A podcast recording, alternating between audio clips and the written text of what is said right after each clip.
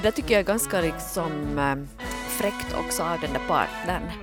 Att om man försöker då att äta hälsosamt och så att behöver man ju sitta där och, och äta pizza då. Att kan man inte äta pizza det är ganska fast man, osolidariskt. Ja, kan man inte äta pizza fast du är ensam hemma då? Så ät nu den där pizzan då fast då, då din partner är ute och promenerar.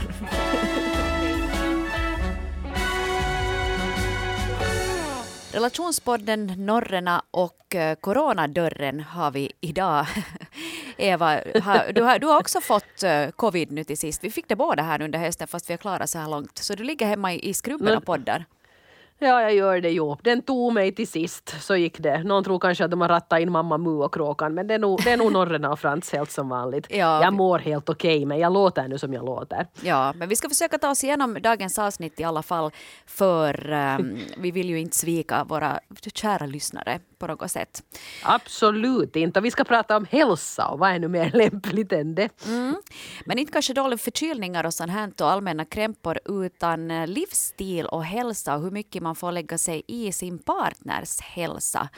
Att är det så att man själv kanske tycker om att gymma och äta hälsosamt medan, medan partnern sitter och skäller ner uh, chips med, med några bärs varje kväll så, så kan det ju leda till lite konflikter i relationen. Och vi frågar alltså er hur mycket man får lägga sig i sin partners val av livsstil. Mm, och det kan ju vara tvärtom också. Man kan ju själv vara den där som tycker att nej, men klart att man på fredag ska kunna ta lite godis och chips och, och ett glas vin medan då partnern ger en onda öga och, och tycker att vi ska upp tidigt imorgon och få på en långlänk. Ska vi inte? Ska vi inte? Det borde vi nog. Mm. Det är ju inte heller så kul. Nej, och jag tror kanske också att, att sådana här grejer kommer fram lite längre i relationen. Att då man träffas så de är ganska måna om att på något vis vara den andra till lags. Att om den andra tycker om då att gå ut och gå i skogen tidigt på lördag morgon så kanske man offrar sig det första året eller åren. Men sen om man inte orkar riktigt skärpa sig något mer så kanske man säger att äh, vet du vad, jag har aldrig gillat att gå i skogen. Att jag vill vara hemma istället. och sådär. Mm. Att, det, att det kanske liksom mera över tid eller efter en viss tid så kommer de här uh, olikheterna fram. Det kan hända det. Och jag tycker också att i, i veckans brevskörd så märkte jag kanske en viss sån tendens att de som är lite yngre, de som är där 20 plus eller runt 20 så de skrev att men hallå, att det här är väl var och ens ensak hur man, hur man väljer att göra det här, att alla måste få bestämma det här själv. Och så tänkte jag nog tror jag också när jag var i den åldern. Men nu när vi börjar vara, när vi är ju redigt 40 plus både jag och min man, så börjar kanske de här grejerna kännas lite relevanta av en annan anledning. Det har inte bara att göra med det där att oj oj, midjemåttet har visst blivit lite brett här på sistone, utan jag är på riktigt ganska mån om att också min man ska gå på regelbundna hälsocheckar och ha koll på sina blodvärden och sånt här. För att jag vill ju behålla honom så länge som möjligt och det är kanske i den här åldern nu senast man ska börja ha koll på saker och ting. Mm. Och samma är det också för, för kvinnor. Jag menar inte att sätta tyngd på börda men alla experter som jag har intervjuat under årens lopp angående klimakteriet så säger de ju att, att äh, regelbunden träning eller åtminstone motion och en upprätthållande av muskelstyrka är A och O om man vill komma igenom klimakteriet så, så smidigt som möjligt. Så, så det kan ju mm. vara någonting att, att tänka på. Och där vill jag också poängtera att det här betyder inte att man ska hetsjumpa utan det betyda att du fast gå ut på en, en promenad varannan dag och, och gör lite knäböj och någon sit-up här och där. Sådär. Så att det betyder inte att man måste börja hetsa, hetsa och ha sig. För vi vill absolut inte uppmuntra till något hetsande i den här podden. Nej, och man vill ju inte heller hetsa sin partner och det där kan bli en ganska svår balansgång för det kan ju hända att man vill ta, man på riktigt är lite orolig och tycker att hmm, att, att du har nog blivit hemskt förslappad nu, att hur, hur ska det här nu riktigt gå? Men hur tar man upp det på ett sätt som inte känns så där skuldbeläggande och, och oschysst. Mm. Jag tycker det är knepigt. Det är lite knepigt, ja. Men vi har fått uh, faktiskt lite konkreta tips och, och, råd också på hur man kan göra det här på ett vettigt sätt. Och, och vi ska ta och, och förstås gå igenom så många som möjligt. Ska vi ta, och, ta oss an nu då bara veckans brev och, och erfarenheter så ser vi var vi hamnar. Vi gör det. Här var tanten 41 som har skrivit så här. Om partnern berättar att hen gjort ett livsstilsval för att förbättra hälsan, till exempel mindre kaffe, alkohol, socker eller liknande, så brukar jag försöka stötta och peppa och kanske rent av haka på själv. Jag tänker att ifall jag någon gång är den som vill göra en förändring så skulle jag vilja ha samma sorts stöd. Problemet i vårt förhållande är det att partnern efter ett kort tag glömmer sina goda intentioner och halkar tillbaka i gamla vanor och mitt pepp börjar kännas och troligtvis också uppfattas som ifrågasättande och tjat. Upprepas mönstret ofta så börjar man ju ifrågasätta hela vitsen med att stötta det är ju en risk att halka in i ett uttråkat Ja men jättebra, kommer du ihåg det här också om ett par veckor? Men jag kämpar på med att vara, eller i alla fall verka vara, positiv till de förbättringar som görs, skriver tanten 41. Mm.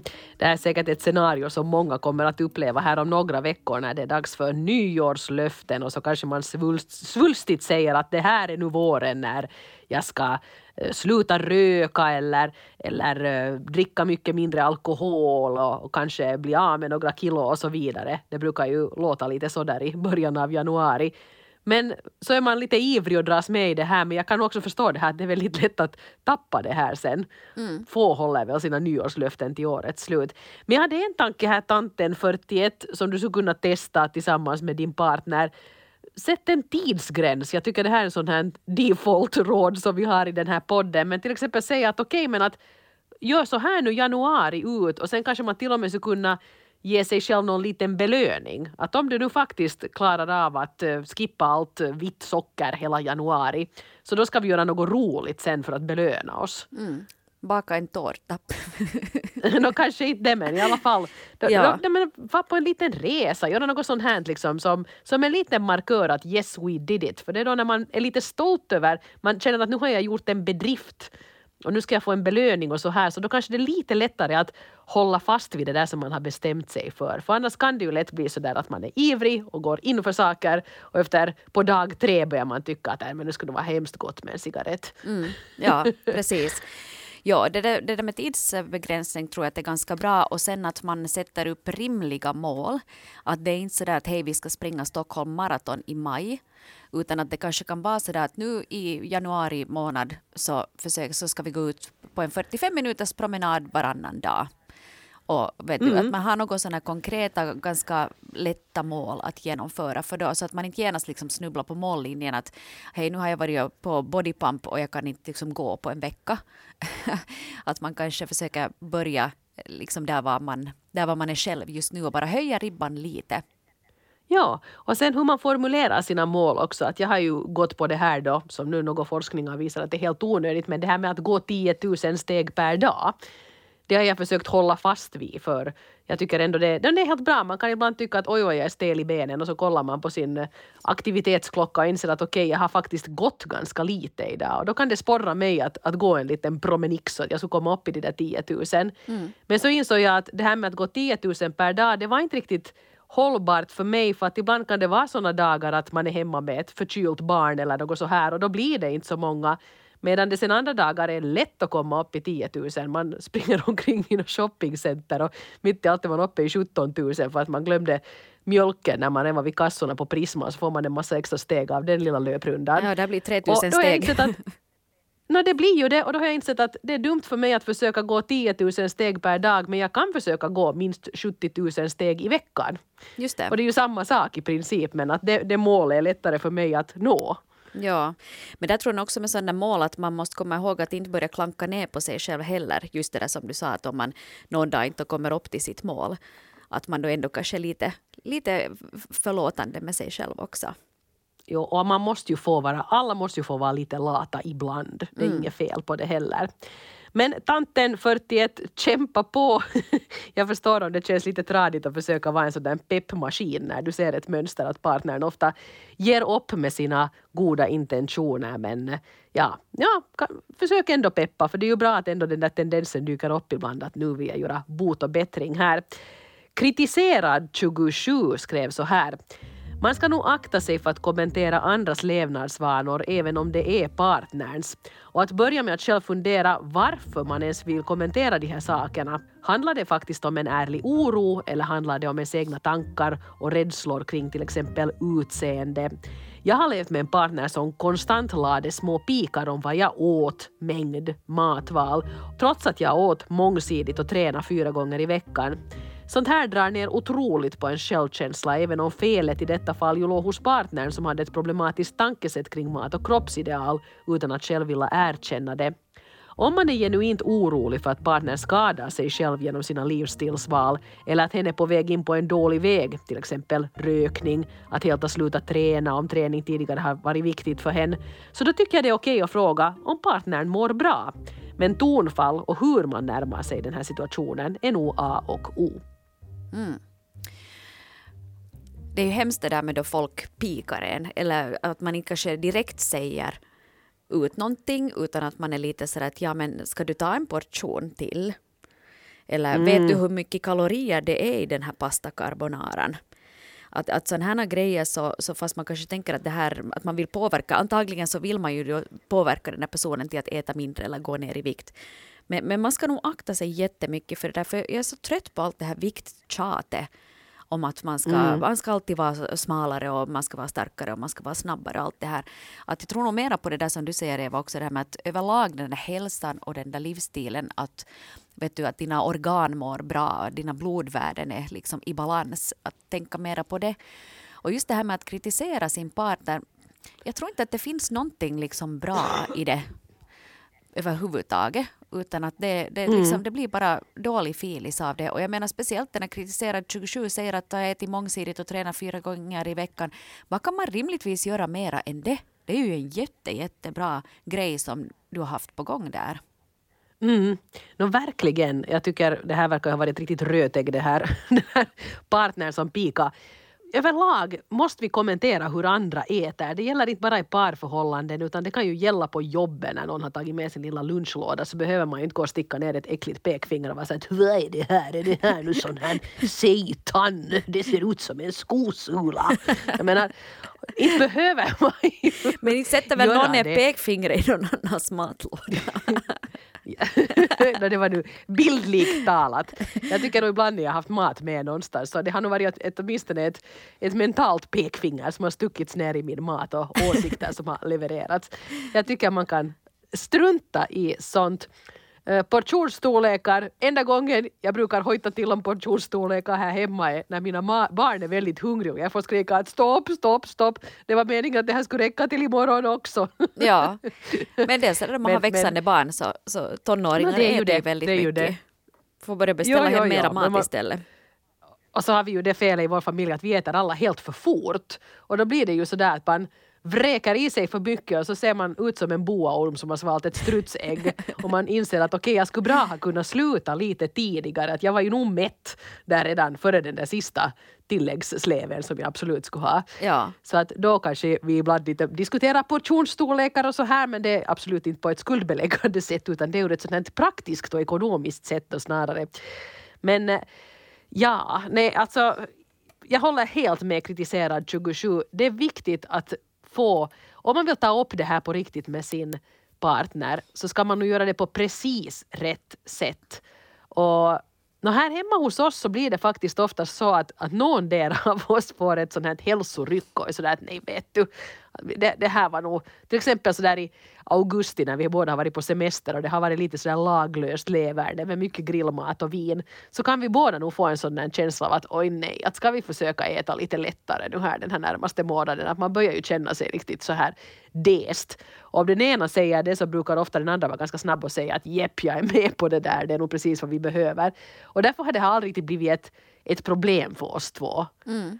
För att vi, vi och så är det också roligare att gå in för sådana här hälsoprojekt för att man då gör det tillsammans. Så här, men att, att ska vi testa att laga det här och det här är ju gott och hej, men rekor det måste vi kunna äta. Ja, mm. det kör vi på med. Kolla, ett vitt vin utan extra socker. Woop, woop. Ja.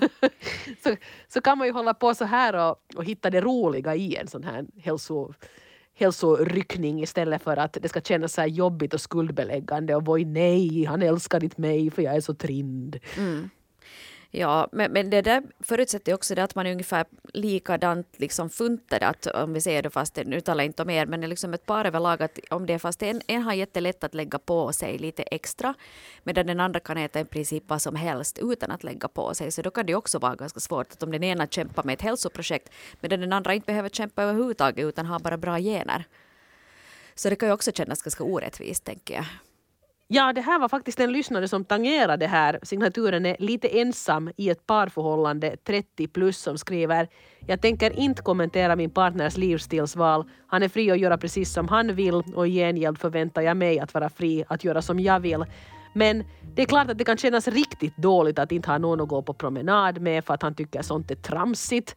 Eller att försöka kämpa mot sina hjärnspöken och äta nyttigt medan han sitter bredvid och mumsar i sig en pizza. Mm.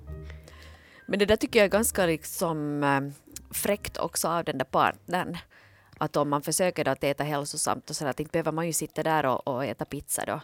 Att kan man inte äta pizza det är ganska fast osolidariskt. Man, ja, kan man inte äta pizza fast du är ensam hemma då? Att om den här parten tycker om att äta pizza och kan göra det utan, utan liksom desto mer konkreta följder så, så ät nu den där pizzan då fast då, då din partner är ute och promenerar.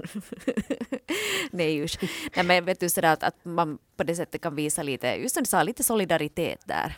Ja, jag, jag, tycker faktiskt det. Att också om, om man har en partner som har ett lite problematiskt förhållande till mat. Det är tyvärr många som har det och flera blir vi också. Och då det där att faktiskt man ibland vill göra sådana här ryck och, och, leva lite mer hälsosamt och att det görs mycket jobbigare då en partner nu ska sitta riktigt där och slafsa i sig det sista ur sour cream and onion chipspåsen. Så ja, liksom lite solidaritet. Jag menar inte att partnern nu till 100 procent måste gå in för samma projekt eller börja följa samma diet och så här. Men man kan kanske lite tona ner på det här frosseriet då när man vet att partnern då är mitt i någon sån här lite knepigare situation. Försöka komma i ketos eller vad man nu kan syssla med. Mm. För att liksom stötta den. Ja, Absolut, alltså det är ju kärlek. Man tänker det, man ska ju vara på samma sida, inte det som är idén med ett parförhållande på något vis. No, nu ska det ju vara det. Och kanske du också vet att om partnern säger att, vet du, att jag, jag, det, det stör mig jättemycket, att jag tycker jag rör på mig för lite, så, så jag tänkte gå en promenad. Häng nu med på den där promenaden. Mm. Hur kan man tycka att promenader är tramsigt? Förlåt Speci nu, men då är man tramsig själv. Ja, och speciellt så är det ett väldigt bra sätt att umgås på. Att man går ut och promenerar och lite vet du, babblar igenom det som nu råkar komma i huvudet. Det är ganska skönt. Jag tycker faktiskt man ska få kräva det här av sin partner. Att få någon form av stöd och solidaritet då när man kämpar med någonting. Och det, behöver ju, det kan ju vara fråga om till exempel om, om man skulle måste gå ner i vikt för en uh, operation eller någonting sånt här. Inte tusan är det nu kiva då om partnern sitter där med sina pizzakartonger. Nej. Det är liksom lite, lite skärpning på den här punkten om jag får be. Nu kraxar kråkan till och säger att så här är det. ja, nej men, men det är bra, bra kraxat där Eva. Mm. Um, vi skulle kunna gå vidare här med ett brev som har kommit från en frustrerad brevskrivare som heter Mamma 50 plus som handlar lite om det här med hur mycket man kan prioritera sig själv då man, är, då man har en familj tillsammans. Skriver så här. Mm. Jag tror att två vuxna människor nog kan ha olika vanor och leva bra tillsammans så länge de accepterar att de är olika och betalar själva för sin eventuella dyrare livsstil. Men i en barnfamilj så måste båda föräldrarna se till att den egna livsstilen inte sätter resten av familjen i kläm. En förälder kan inte använda all sin fritid enbart till hobbyer medan den andra tar hand om barnen på sin fritid. Min exman skulle envist på gym tre gånger i veckan just under småbarnsåret samtidigt som jag jobbade i tre skiften. Han krävde att jag skulle ordna ledigt alla gånger han skulle till gymmet annars blev det världens vredesutbrott hemma och det här lyckades ju förstås inte. Och han vrålade på barnen att det var deras fel och så vidare. Det kom senare också fram att han upprepade gånger hade lämnat allt för små barn ensamma hemma därför att gymmet var viktigare. Numera är barnen vuxna och de vill inte ha med pappan att göra och vi är förstås skilda. Så kan det bli då hobbyn är viktigare än familjen. En väninna till mig serverar barnen husmanskost till sig och barnen och godis enbart på helgerna. Pappan i familjen köpte däremot hem grillmat och chips och drack öl varje kväll. Mamman betalar för sin och barnens mat medan pappan hade en egen budget. Och de är också skilda idag och barnen fortsatte med mammans livsstil. Nå, jag anser att i en barnfamilj borde nog alla äta samma mat, utan då förstås om det är fråga om allergier. Tycker det är rent ut sagt fräckt att som vuxen mumsa i sig hamburgare framför barn som äter ärtsoppa. Skriver mamma 50 plus. Oj, jösses. Vilka, vilka mansbebisar ja, oj, nej. dessa kvinnor har råkat ut för. Det här är också intressant då när som den här brevskrivarens man då, när man börjar använda det där hälsoprojektet som någon sorts vapen. Att hör du, jag månar faktiskt om mitt välmående och därför måste jag få gå på gym tre gånger i veckan mitt i småbarnsåren och det här måste ni andra anpassa er enligt. Och jag tänker på alla mammor, för det har nu mest varit mammor som har varit hemma med barnen och helt enkelt fått glömma allt som har med träning att göra för att det går inte att få in i den där ekvationen. Mm. Man kanske försöker gå en liten hurtig barnvagnspromenad och vifta lite håglöst med någon hantel och, och ha lite dåligt samvete för att det finns så många Instagram-mammor som lyckas yoga och ha sig fast barnen, jag vet inte vad barnen är medan de yogar. Mm. Mina barn brukar sitta ovanpå mig när jag försöker yoga. Det går inte så bra det heller. Men i alla fall man måste ofta flexa med sådana grejer under de där mest intensiva småbarnsåren och det måste alla föräldrar fatta att man kan kanske inte prioritera. Man kan säga, så som den, den här stora familjeexperten Eva Frantz säger så här, att när vi hade riktigt små barn första varvet med Jonas så bestämde vi att vi skulle ha varsin ledig kväll i veckan. Så att jag hade kanske onsdag och han hade kanske torsdag. Och då var det liksom inskrivet i kalendern att då klarar den andra sig på egen hand men den som har ledig kväll ska få göra vad den vill. Mm. Och då valde jag ibland till exempel att gå och träna eller att gå och träffa några kompisar och så här. Och det här var ungefär det som vårt schema tillät. För det skulle ju också jobbas och fixas och donas vid sidan av det här. Men att sen vika tre kvällar i veckan för att man ska gymma samtidigt som man har småbarn. Nej, det går inte. Sorry. Om man inte har någon supergym med barnpassning, då kanske det går. Mm. Men man kan inte kräva att partnern ska stå för all service för att man ska stå där och lyfta och stånka och, och bli vacker som en grekisk staty. Nej. Man Nej. är en ensam grekisk staty sen innan man vet ordet av. No, det blev han ju nog liksom vältränad mm. men, men ensam. Och sen också här det här med till exempel att om, om nu den här mamman jobbar tre skifter kan man ju där börja byta skiften för att gubben ska gå på gymmet. Det måste man ju fatta. Du får väl ta och göra armhävningar hemma då eller någonting. Släng den på golvet och gör lite situps och armhävningar och knäböj. Inte behöver du gå till gymmet för det. Men jag tror nog att eh, det där som du sa också att man använder det lite som en ursäkt. Ibland kan det ju nästan kännas som att man, att man kommer bort hemifrån om man går till gymmet. Att det är liksom en bättre ursäkt än att man går på bastukväll. Och, och det är ju helt det bästa. Man får känna sig nöjd med sig själv för det är ju väldigt bra att träna men samtidigt får man ju då ja, sitta där på en motionscykel och lyssna på en bra podd i en timme. Mm. Lyx! Ja, och det, och det jag måste säga det här också att, att eh, det finns ju många också som lever ensamma med sina barn, vilket jag också gör. Och fast jag har det där gymkortet, det är jättesvårt att få in den där tiden att gå dit till gymmet. För att om du kommer hem från jobbet så ska du via butiken, så ska du gå ut med hunden i en timme, så ska du laga mat och så ska du hjälpa till med läxor och sen ska du städa, byka, fixa allt det där. Och sen är klockan halv tio. Att när ska man då gå mm. dit till gymmet? Att, jag vet inte, jag tycker också att jag vill liksom vara lite sådär förlåtande med mig själv också. Jag skulle gärna gå dit, men jag har bara jättesvårt att hitta den där tiden.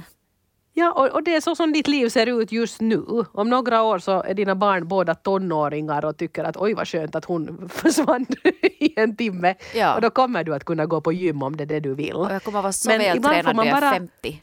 Ja jösses, tänk nu. Ja.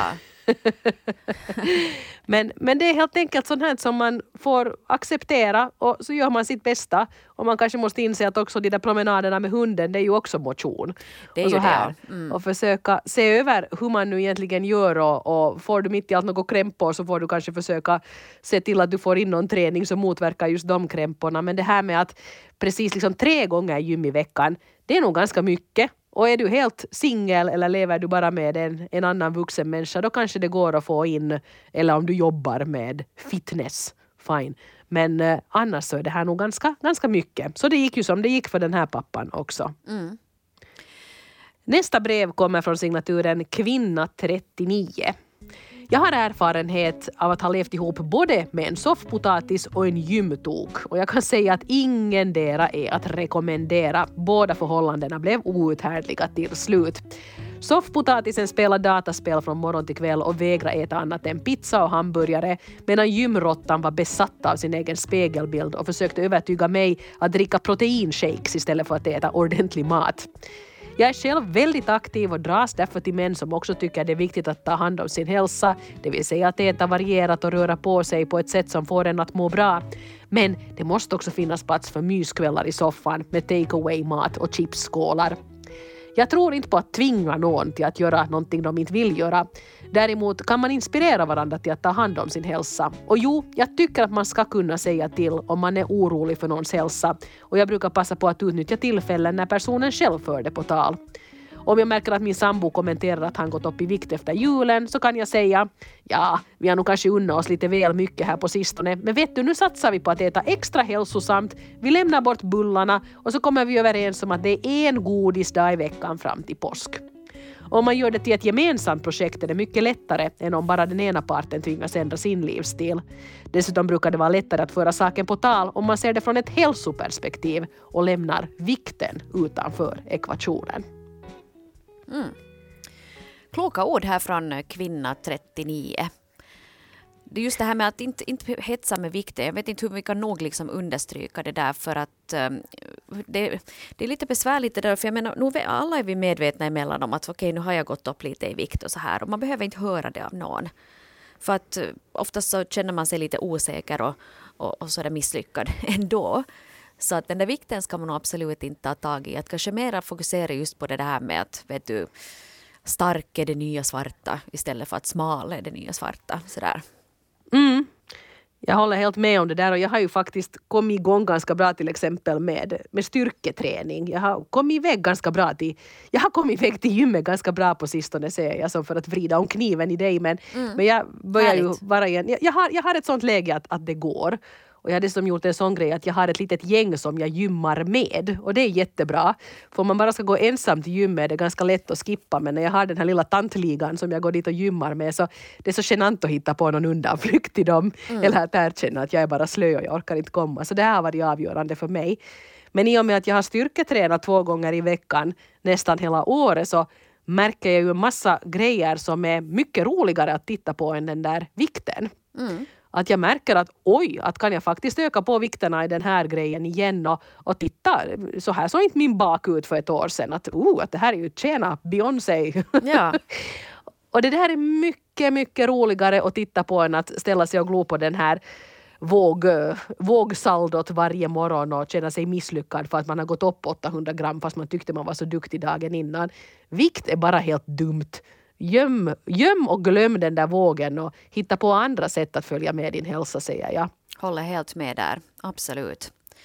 Och eh, ännu här som den här kvinnan 39 var inne på att, att som har levt både med en soffpotatis och en gymtok så, så det är ju det där att om du är med någon som är väldigt extrem så då är det nog ganska jobbigt. Och jag tycker själv, jag är ju singel men äh, i något skede då jag var inne på, på Tinder där så var det någon typ som var så här, hela tiden ute. Först på morgonen, ja nu har jag varit ute på morgonlänken, ja på eftermiddagen, nu ska jag få ut och cykla i 30 kilometer, sen på kvällen ännu till gymmet. Jag blev helt utmattad redan av att läsa liksom, de där meddelandena. Var det här en frånskild pappa 40 plus? ja, ja, typ det ja. Ofta brukar man vara i bäst form då man just har skilt sig vet du. För det är då som no, man liksom tar tag i alla de där, de där hemmakillarna som har, då man har blivit lite sådär sambofet.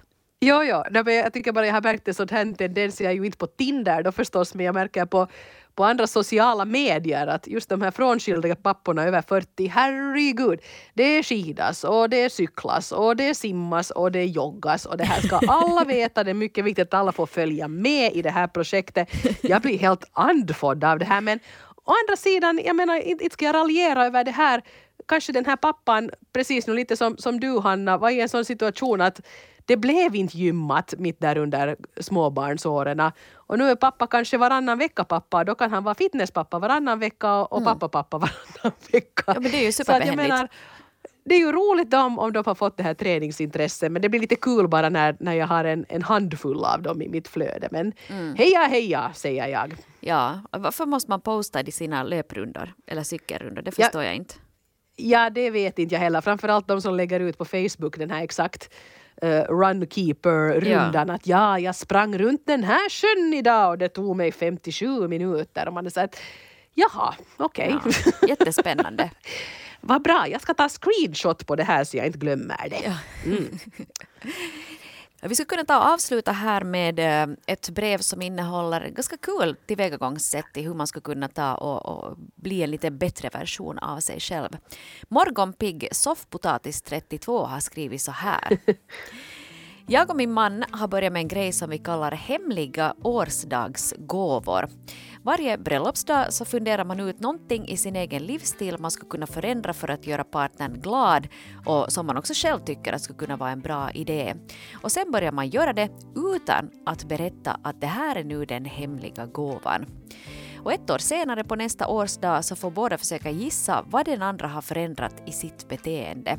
Och det här gör det lättare att hålla fast vid den nya vanan eftersom man vill att partnern ska notera den och det gör en också mer uppmärksam på bra saker som ens partner gör. Min man är en inbiten hurtbulle medan jag är mer av en soffpotatis. Senast hade jag som löfte att börja tacka ja när han föreslår idrottsaktiviteter som att till exempel gå en promenad, fara till simhallen eller någonting annat. Och han börjar komma och ge mig en kram i farstun varje gång jag kommer hem från jobbet. I år bestämde jag mig för att ta hand om veckoslutens morgonrumba själv eftersom han är väldigt morgontrött och gärna sover länge när han får. Han har dock nu börjat stiga upp lite tidigare och börjar direkt hjälpa mig med frukosten så jag misstänker kanske att det här är hans hemliga gåva till mig. Oberoende så är våra morgnar mycket trevligare nu och tips för andra kunde vara till exempel att sluta röka, börja laga hälsosammare mat, köpa blommor till sin partner varje vecka eller ta över någon hushållssyssla som partnern ogillar. Hälsar Morgonpigg soffpotatis 32. Jag tycker det där är en jätterolig idé faktiskt. Mm. Jag är imponerad av det här att de faktiskt håller på i ett helt år innan de sen återkommer. Att märkte du vad, vad jag gjorde? Mm. Att man måste liksom komma ihåg att var, var stod vi för ett år sedan? Ja, jo, då var jag ju så irriterad på det här att du äh, inte kom och sa hej när jag kom hem. Men att eh, man faktiskt ska, ja, kanske de går och är väldigt uppmärksamma på det. Det är en kul idé, verkligen. Och man kan ju också göra det under över en kortare tidsperiod. Till exempel att det här är månadens mm. projekt. Och, och, det här också att det inte bara ja. handlar om hälsa här utan det kan vara just till exempel att man, att man går och möter sin partner i tamburen då hen kommer hem och ger henne en kram. Sånt blir man ju glad av. Ja. Man blir glad av kramar. Precis. Ja, det blir man absolut. Och det kan ju just vara en sån där grej som som kanske, jag menar, har man ett lyckligt förhållande så, så är det ju klart att man vill göra det, krama om sin partner. Men det kanske inte blir av, man kanske bara har en tendens att man sitter och funderar på sitt eller är mitt i någonting och därför inte riktigt hälsa på sin partner när hen kommer hem. Och då är det ju bra att sätta det som så här i system, att det här ska jag börja göra för sen blir det en självklarhet och en vana så småningom. Mm. Och just det här med, med den här eh, morgonpigga soffpotatisen som sa att eh, hade testat med det här att då partnern föreslår någon typ av motion så hänger man med. Att det, ju, det där tror jag mm. också att, och, och sen att om, om Hurtbullen älskar att gå och lyfta liksom jättemycket i bänkpress så kanske man inte vill få dit om man är otränad. Jag skulle åtminstone inte vilja, vilja göra det. Men just en promenad eller få simma eller ta, gå i skogen eller, eller vad det nu sen kan vara. Att sånt kan man ju hänga på. Ja, det här var inspirerande tycker jag. Jag tror bara att jag och Jonas ska vara jättedåliga på det här. För vi är lite mer sådär att när man försöker göra någonting så kanske man gör något snällt till den andra så blir man stående och tittar sådär menande på en. Att, märkte, märkte du? Jag var snäll. Märkte du? Någon, ha, någon har städat köket och putsat bänkytorna. Ja. Mm. Mm. Märkte du det? Det var bara det. Ja, ja. hej hej. Ja. Så det ska bli jättegenomskinligt vad vi har försökt göra. Ja. Man ska, och man kan inte vänta liksom Men, ett år på det där berömmet utan man vill ha det genast. Nej, man är så att nu kolla! Ja, Mm. och jag har bytt lakan. Mm. Ja. Ja. ja. Men kanske vara lite mer bjussig där. I, I, princip blev jag väldigt, I princip blev jag väldigt inspirerad av, av det här brevet och ska fundera på om man skulle kunna lite uh, anamma det här hemma hos oss för jag tycker det är en så bra idé. Mm. Härliga grejer, alltså här fanns ju många bra exempel på vad man skulle kunna göra. Jag tror nog mer det där att man, att man inte gräver ner sig i varsin skyttegrav då det kommer till hälsa och livsstil och sådär. Man kanske försöker liksom jobba tillsammans lite och, och just det där att inte prata om vikt, inte kritisera utan försöka vara, ta tag i det här med liksom positiva mål som du var inne på där Eva också, kanske belöna sig efter en månad med en, en gemensam aktivitet av något slag. Att, att då ska vi gå och titta på den nya filmen som vi skulle vilja se. Vi tar barnvakt och så går vi och tittar på mm. den. Att något sånt är kul, så att det blir liksom en rolig grej för att en livsstilsförändring eller en livsstil överlag så är ju ett val som ska hålla förhoppningsvis livet ut så att det skulle ändå vara någonting som inte man känner att man måste göra liksom med, med tvång. Mm. Och skuldbelägg inte men var solidarisk vill jag också lägga till. Mm. Ja, inte vad det var något mer med det då sen. Hej, krya på dig Eva. Jag hoppas att du är ute ur skrubben ja, nästa tack, vecka. tack. Så att du får hälsan i skick Ja, också. kommer nog säkert ut här när som helst nu här. Ja. Ja. ja, det var där.